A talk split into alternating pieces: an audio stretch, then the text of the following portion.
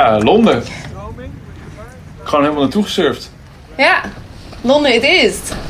With around 200 tons of waste taken from the Thames every year, much of it plastic, pollution is one of the greatest global environmental challenges we face. Can this one man's journey go far enough? Frankie McCamley, BBC London. 1800 kilometer windsurfen. Van Oslo naar Londen. Op een windsurfplank van vlas, gerecycled piepschuim, schimmeldraden en plastic zwerfflesjes uit de rivier de Thames in Londen. Deze zomer surft hij met een belangrijke boodschap naar de minister van Milieu in Londen. Tegen de stroom en wind in. Mijn naam is Marijn Tinga, de plastic soepsurfer. En ik ben Esther Leistra.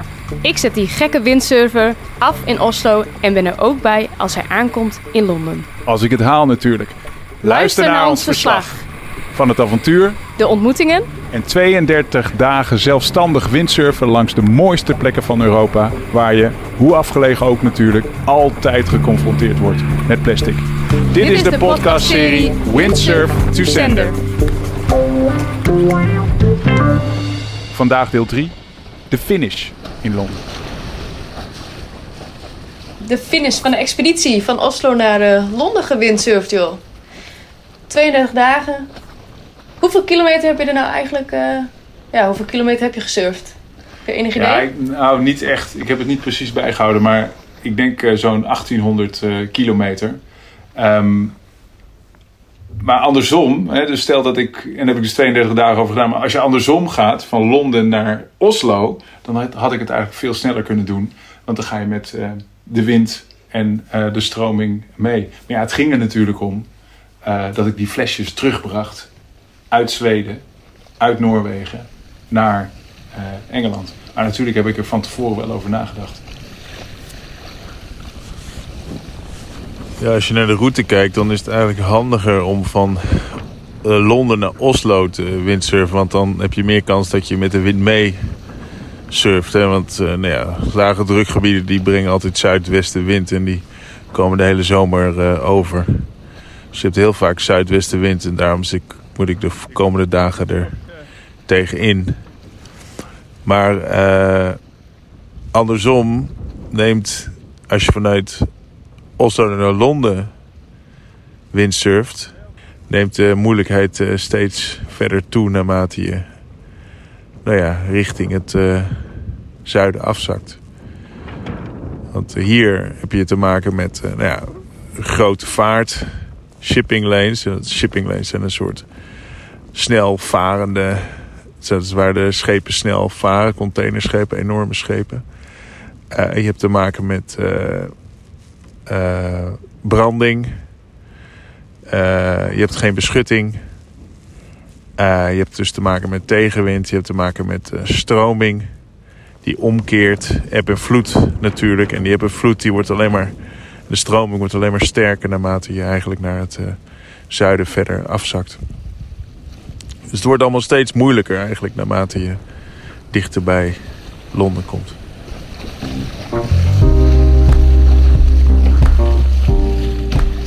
Ik lig weer eh, onder mijn zeil in Monster.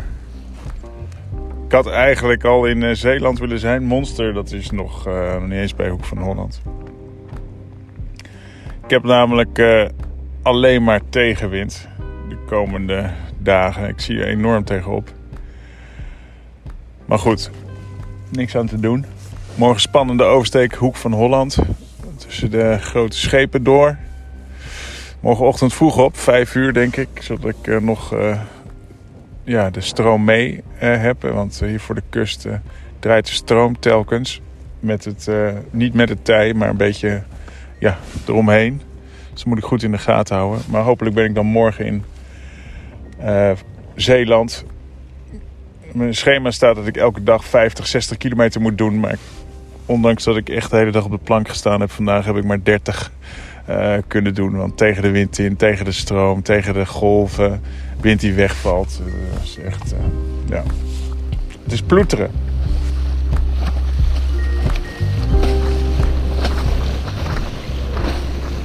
Heb je ook momenten meegemaakt waarvan je dacht: oké, nu ben ik echt heel erg gevaarlijk bezig? Dat je dacht van oké, dit is wel een beetje te? Nou, moest ik, op een ochtend moest ik langs uh, Hoek van Holland oversteken. En toen, uh, ja, toen ben ik gewoon echt heel dom geweest. Op een of andere manier vanochtend, ik had nog een keer gekeken en ik, ik zat te treuzelen en ik zat te denken, waarom wacht ik eigenlijk niet tot, gewoon tot twee uur? Want dat kan, dat kan ook. En uh, nou ja, ik zat nog een bericht te typen op LinkedIn. Ook heel hooghartig bericht over hoe het steeds moeilijker werd deze kant op. En nou ja, hoe het makkelijk begon. En... Maar hoe dan ook, ik ging te laat weg en ik dacht nog van nou, ik kijk wel bij Hoek van Holland. Want ik was in Monster, dat was uh, nou ja, een uurtje verder. Dan kijk ik wel hoe het, uh, hoe het ervoor, of ik op tijd ben en anders stap ik daar af. Ik was eigenlijk al te laat, ik zag het ook al. Ik een heel stuk naar buiten. Dikke golven, ook golven, echt golven van uh, drie meter hoog. Zonder overdrijven, echt. Gewoon waar je echt ver niet overheen kon kijken. Maar ik goed naar buiten, ik kijk tussen die. Uh, kwam een aantal uh, schepen naar buiten en, en er gaan een aantal naar binnen. En ik kies mijn moment. En ik steek over. Dat gaat allemaal goed. Ik was eigenlijk best tevreden met mezelf. Totdat ik aan de andere kant kom uh, van die Maasvlakte. En, en, daar zijn allemaal van die basaltblokken als een soort uh, haaien, zwarte haaientanden in rijen staan die langs de kant. En staan allemaal windmolens op. En toen zag ik opeens hoe hard het al naar binnen stroomde. Hè? Dus tegenstroomde. Dus ik werd zeg maar weer terug die havenmond in uh, gezogen. En ik ben gaan opkruisen. Maar ik kwam gewoon niet vooruit. Ik kwam niet vooruit. Ik, wat ik ook deed, ik bleef ter hoogte van dezelfde. van dezelfde uh, windmolen steken. Dus ik kruiste wel op, maar ik werd gewoon elke keer weer teruggezogen. Het was een gele boei. Uh, ik kwam er gewoon niet voorbij. Midden op zee, allemaal, tussen de hoge golven. Ja, Dat, uh... enorme, enorme hoge golven. Maar je zat dus die hele tijd op zee tussen die enorme golven. Ik was dus aan het zigzaggen, opkruisen, probeerde ik. En elke keer als ik ook maar een paar meter won, hè, dan, dan viel ik weer een keer bij een overstag. En dan verloor ik in die enorme ja, kolkende golven, verloor ik dan direct al mijn hoogte weer en was ik eigenlijk weer terug bij af. En op een, gegeven, een soort wanhoopspoging dacht ik na, na zeker een uur kruisen, dacht ik, weet je wat, ik ga gewoon terug naar, uh, naar, Hoek, naar Hoek van Holland, naar het strand. Maar dat deed ik dan precies op het moment dat er weer een groot schip aankwam. En ik zag opeens ook hoe ver het wel niet was terug. En, ja, en toen, hoe ben je eruit gekomen? Nou ja, eerst ben je aan het vloeken. Maar op een gegeven moment, ja, dan komt er een berusting over je heen. Dus ik had geen keuze op een gegeven moment. Ik ben echt aan het vloeken tegen mezelf. Hoe ik zo stom kon zijn om zo laat te vertrekken. Aan het vloeken. Maar op een gegeven moment komt er dan toch een soort uh, berusting of zo. Dat je denkt van nou, ik wacht gewoon tot de tij keert. dat duurt dan nog drie uur. Maar op een gegeven moment dan, dan moet het tij keren. En dan kan ik, uh, kan ik mee. Nou ja, ik heb dus gewoon twee uur lang op en neer gevaren op dezelfde plek. En het stomme was, ik zag elke keer een strandje op een meter of 300 waar ik, waar ik kon landen. Dat zag ik gewoon telkens. Maar kon kwam gewoon niet dichterbij. Nou ja, goed, op een gegeven moment uh, nam de wind wat toe. Hij draaide wat. En uh, nou, ik denk ook de, uiteindelijk uh, de stroom nam wat af. En toen kon ik naar dat strandje. Maar dat is natuurlijk een heel steil strand. Met, met hoge golven. Dus ik kwam aangevaren. En zo'n dikke golf pakt me. En die, die kwakt mij en nou ja, al, al, al mijn spul op het strand. Dus nu is die hele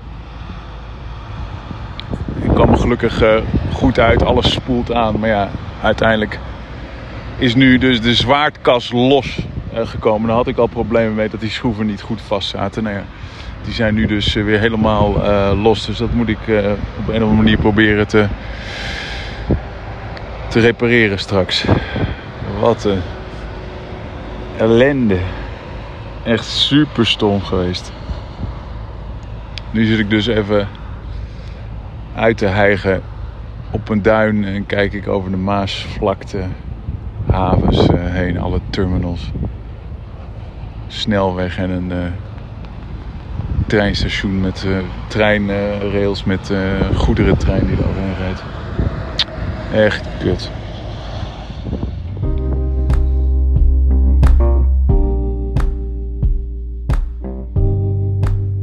Ja, jeetje joh. En uh, je geeft dus aan dat je, ja, je materiaal heeft dus wel wat uh, schade opgelopen. Ja, zwaar maar, vast en een scheur in mijn zeil. Maar ja, dat is uh, materiaal. Maar hoe, ja, hoe is het met jezelf afgelopen? Heb je zelf er wat aan overgehouden? Nou, eigenlijk is de ontlading is pas na de hand bij zoiets. Je zit er echt op die duin. Eigenlijk zit je gewoon na te trillen. Ik denk als ik mevrouw Brechtje had gebeld, dat ik was gaan huilen als ze had opgenomen.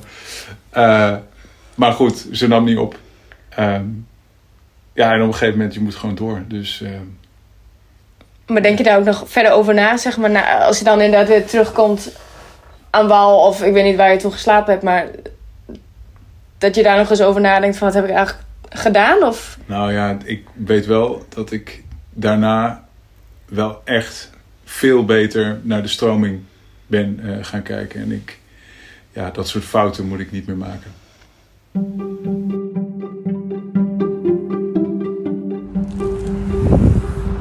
Nou, ik heb uh, broodje gegeten. Ik heb een half uurtje over uh, kunnen nadenken. Genoeg gehuild. En gaan we verder. Dan hebben we die zwaardkast maken. En dan uh, over twee uur, als de storm, als de, als de uh, stroming draait, dan uh, gaan we weer verder. Alleen maar voorwaarts. En dit soort dingen moet ik niet meer doen.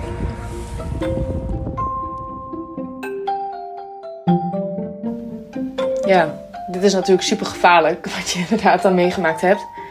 Maar dan heb je natuurlijk ook nog die oversteek van Frankrijk naar Engeland.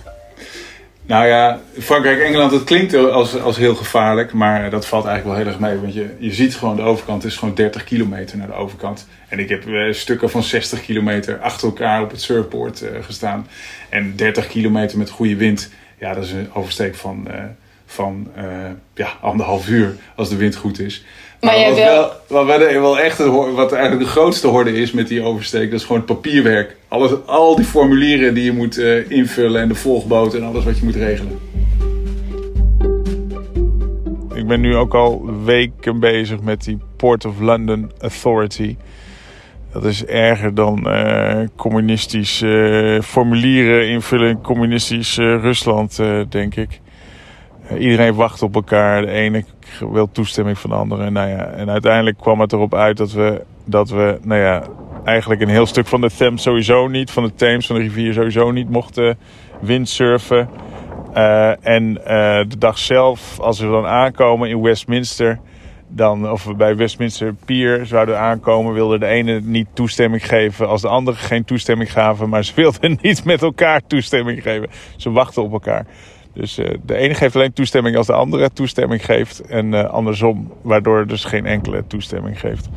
En uh, mochten we alsnog willen, dan moesten we 240 pond ex-VAT, dus ex-BTW, per uur met een minimum van 4 uur voor de Port of London Authority betalen. Voor dus nou ja, 4 kilometer windsurfen. Nou, dat, we, dat was me meer dan, meer dan 1200 pond te betalen om uh, vier kilometer dus uh, één uurtje te windsurfen. Waarbij ik dan misschien nog niet eens af mocht stappen bij Westminster Pier. Dat was me wat te, te gortig. Dus nu is het teruggebracht tot een fotoshoot eh, bij Tower Bridge eh, in, de, in de vroegte. Voordat, eh, voordat de hele spits eh, losbarst. maar goed.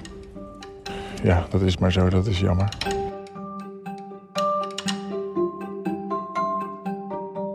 Ja, en ik doe natuurlijk niet alles precies eh, volgens de regels. Hè, soms dan vaak eh, steek ik af door een eh, natuurgebied of door een militair gebied. Of ja, ik weet ook niet altijd waar ik precies vaar. Voor België heb, heb ik eigenlijk ook een vergunning aan moeten vragen. En ehm, ik heb dus altijd eigenlijk het gevoel dat ik elk moment van het water gehaald kan worden. Als ik dan een officiële boot zie, dan denk ik altijd, nou ze komen nu van het water halen. En nu vaar ik dus voor België op ongeveer eh, drie kilometer, anderhalve mijl eh, uit de kust. Dus echt wel een, een, behoorlijk stuk. En ja hoor, daar komt zo'n politieboot aanvaren, recht op me af. En ik denk, eh, ja, dit is het. Geen probleem. Ik ben benieuwd wat we gaan doen. Of we staande gaan houden. Ik denk het wel.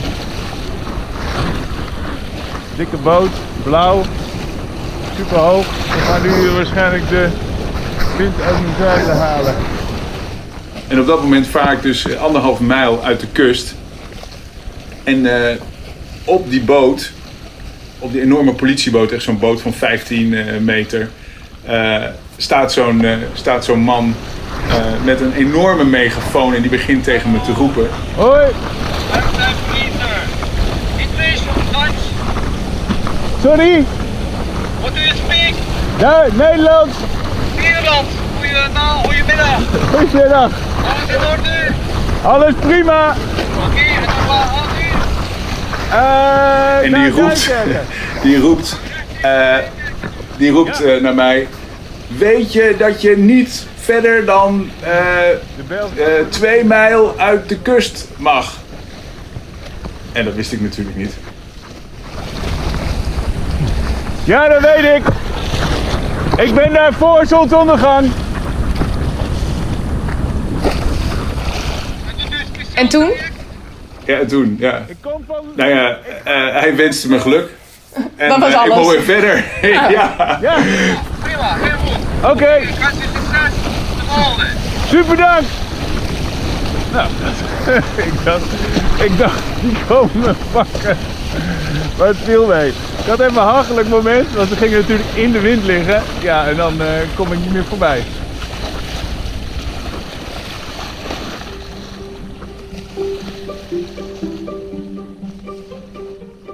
Ja, en toen dus eh, van België door naar Frankrijk om over te steken naar de UK. Ehm, ja, vertel eens, hoe ging die oversteek eigenlijk? Ja, dat weet je wel, hè? Nou, die, eh, die oversteek van eh, Calais naar Dover, die heb ik gedaan. Maar eh, met de ferry. Met jou. En de auto. Of, eh, en de, en de, het boord op het dak eh, van de auto. Want het woei gewoon veel te hard. Eh, en, het, en het woei gewoon twee dagen lang veel te hard. En we moesten ja, drie dagen later in Londen zijn. En de eerste mogelijkheid dat de volgboot wat zou kunnen doen was woensdag. Dus dat ging niet. Dus, nou ja. We Ja. zijn met de ferry overgestoken. Ja, ik was inderdaad ook op die boot, maar eh, ja, het was wel echt heel heftig. This is why.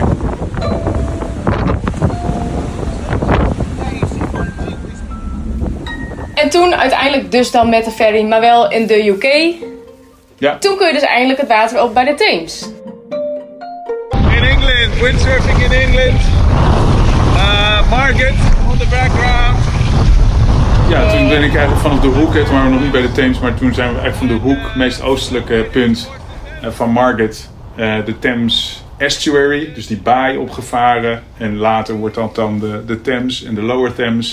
Toen ben ik eigenlijk net zo ver doorgevaren als ik officieel mocht. Tot En tot aan, waar eh, was dat? Tot Gravesend eh, was dat. Daarna had ik allerlei escortboten nodig. Ehm, ja, dus ik ben eigenlijk zo ver gevaren als ik, als ik mocht. As I was allowed to.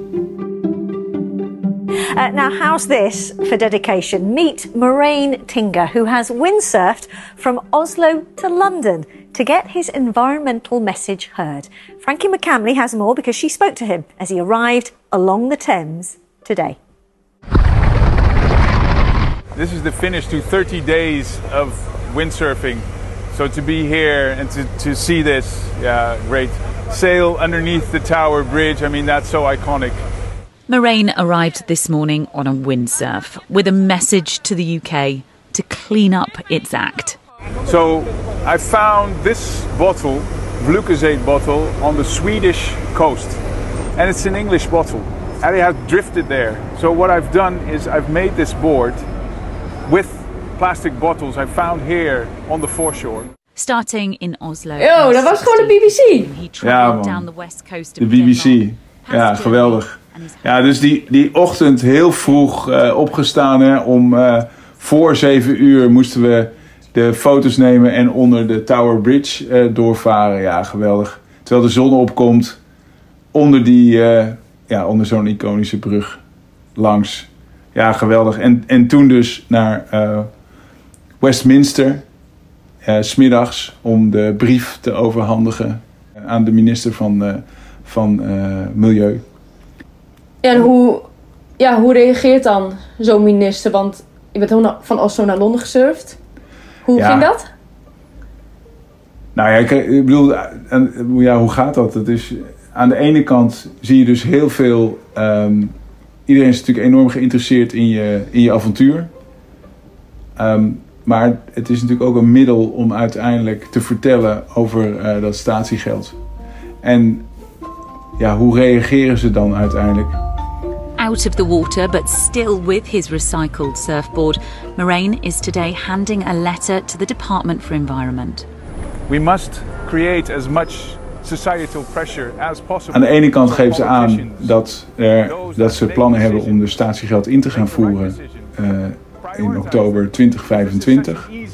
Eh, maar achter de schermen hoor je natuurlijk en zie je dat er van allerlei eh, pogingen worden gedaan vanuit de industrie om dat te vertragen met onderzoekjes of andersoortige systemen.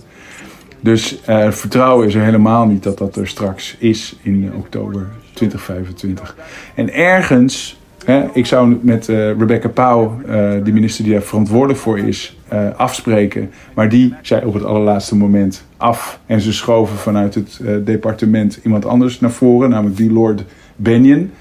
Well, a huge uh, respect to you uh, for, for, for an extraordinary achievement. And uh, just to tell you that you're pushing at an open door. Uh, 13 years Hij is uit de Senaat, hè, dus hij is eigenlijk een soort Eerste Kamer. Eh, en hij is eh, minister van de Ocean. Hij, is wel, eh, zelfde, hij was wel zelfde, zelfde kaliber, zeg maar. Maar ergens was het dus eigenlijk wel mooi dat Rebecca Powell, de verantwoordelijk minister, er niet was. Want daardoor hebben we nu al die aandacht gekregen via de BBC. En hebben we nog wat tijd eigenlijk gekregen om veel meer handtekeningen onder die ehm, eh, onder die brief van ons te krijgen. Want uiteindelijk moet ik in september of oktober weer terug naar Londen. En nu hebben ze me natuurlijk maar allemaal een keer gezien. En dat helpt natuurlijk enorm in die hele ja, campagne die we nu doen. Ja, Dus mensen kunnen nog steeds de petitie ondertekenen. Mensen kunnen nog steeds de petitie ondertekenen. En al die milieuorganisaties hebben mij nu in het echt eh, gezien. We zijn nog bij de ambassade in Nederland, eh, of de Nederlandse ambassade geweest, waar ook weer een heel aantal organisaties eh, waren. En we hebben gewoon ons heel duidelijk onze boodschap over kunnen brengen in Engeland. Ja, en daar ging het uiteindelijk eh, om. Dus ja, echt geweldige dag. En nou ja, we zitten hier natuurlijk in dit kleine snikhete Snikhete. hotelkamertje op een zolder. Ja. Ehm, eh, we, hebben echt een, we zijn om vier uur, eh, kwart voor vijf opgestaan. Het is nu half, half elf. Ehm, ja, het is een, een droom. Het was een waas gewoon de hele dag met, met de BBC, Ja. met, met de opnames van hot naar her. Zo'n eh, drukke gegaan. laatste dag. Ja. Ja. En eh, Ja. nou ja, in de pub eh, gevierd met iedereen van het team. Ja. Dus ehm, ja, schitterend. Maar oké, dus ja, je hebt gewoon de finish heb je nu bereikt. Wat, eh, en nu? Nou ja, we moeten natuurlijk sowieso... Nog terug? Ja, sowieso terug voor Rebecca Pauw. Ja. En volgens mij kan het alleen maar, eh, is dat eigenlijk alleen maar goed. En we willen natuurlijk met al die testimonials van al die ministers, want daar luisteren ze toch wel naar. Al die voormalig ministers die eerder statiegeld hebben ingevoerd. Al die eh, verhalen van hen, die gaan we verder verzamelen. En dan gaan we verder naar al die landen waar nu nog geen statiegeld is ingevoerd. Even Eerst nagenieten, denk ik. En misschien even Nagenieten. bijslapen. nagenieten Ja. en slapen. Ja. ja. Ja, wat, wat je net zei. We liepen net natuurlijk naar het hotel. En misschien ook omdat je wat vermoeid bent. Maar het voelt ook wel een beetje alsof het inderdaad een droom is. Dat het niet echt is. Dat het, het gebeurt, er gebeurt zoveel. En dan... Ik denk inderdaad dat iedereen van ons team straks pas een beetje beseft wat allemaal gebeurd is. En eh, wat je gedaan hebt. Nou Dat ja, wat jullie, wel, ook, eh, wat jullie ook gedaan hebben met z'n allen. Ja, Ja. Nee, hartstikke mooi. Hartstikke mooi. Heel blij eh, met het eh, resultaat. Ja,